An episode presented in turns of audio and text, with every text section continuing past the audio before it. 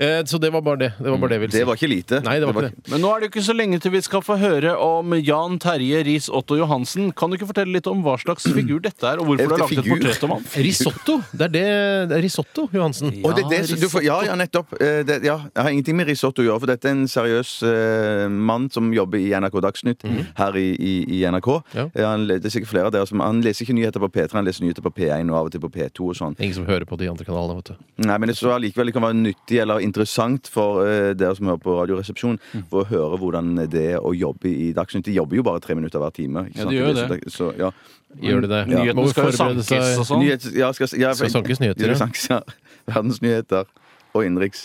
Ja, nei, det, så greien er bare det at det, det, er, det som er litt stress for han, da, det er jo det at disse nyhetene Når de skal lese nyheter f.eks. klokken tolv, sånn, så skal det være presis tre minutter. Og det er ikke alltid Ja. så lett å klare å treffe nøyaktig eh, med et såpass omfattende langt navn ja, som han har. Det skal være ganske greit, for det finnes et dataprogram som, eh, som beregner ca. hvor langt en tekst det tar å lese. Ja, men det, Men det har ikke han fått. men så slenger du jo på navnet ditt på slutten, da. Og da blir det for langt. da kan det, være, det kan være at det blir for langt. Er dette en sak som omhandler problematikken med at eh, det å klare å flette inn navnet sitt i tre minutters Dagsnytt-bulletenger? Er det det det handler om? Det handler blant annet om det, ja. det det er ikke fre- Nei, nei, nei, nei, nei, nei, det er først og fremst et portrett av Jan Terje Bare Johansen. vær så snill å si at det ikke er sketsj.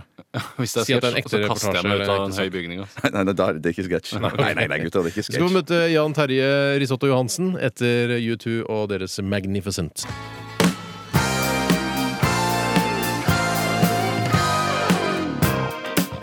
Mitt navn er Jan Terje Riis-Otto Johansen. Jeg er 42 år gammel, og jeg kommer fra en hemmelig stad i Sogn og Fjordane. Til daglig jobber jeg i NRK Dagsnytt. Jan Terje Riis-Otto Johansen leser nyheter i NRK Dagsnytt. En såkalt nyhetsbulleteng skal være presis tre minutter lang. Noe som kan være vanskelig å beregne nøyaktig med et såpass omfattende navn som Jan Terje Riis-Otto Johansen. Var siste veke med mye rabalder i Libanon. Så sport. Fotball, håndball, tullball, tåball. NRK Dagsnytt. I studio Jan Terje Riis-Otto Jo... Ah, pokker!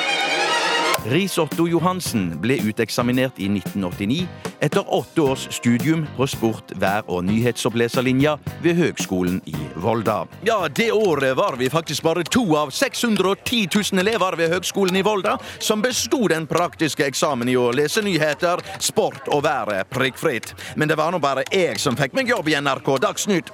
Han andre han skaut seg da han fikk nyss i at faren hans faktisk òg var hans bror. Bomber, død og begravelse i Bagdad. Vi rekker vel ikke ei sportsmelding? Nei, det gjør vi ikke, så NRK Dagsnytt, Jan Terje Riis-Otto Johansen. Riis-Otto Johansen er ikke redd for at folk skal undervurdere arbeidet han gjør som nyhetsoppleser i NRK Dagsnytt, selv om han bare jobber tre minutter per time. Jeg tror at folk skjønner at det er ei utrolig kjenslemessig påkjenning å switche fra ei lokalsak på Karmøy til ei utenriksmelding fra det svarteste Peru. Slikt går inn på en, selv om en har drilla aldri så mye på slike scenarioer under utdanninga vår i Volda.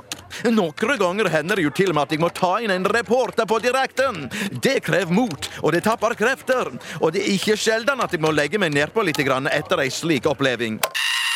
Ja, ja, ja, der tapper vi visst kontakt med vår reporter på Orderud gård. Vel, det var alt vi rakk i denne omgang. Ja, NRK Dagsnytt, Jan Terje Riis-Otto.